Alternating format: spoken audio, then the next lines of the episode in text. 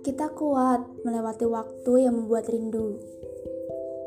Yakin bila esok akan ada masa di mana rasa sabar akan terbayar.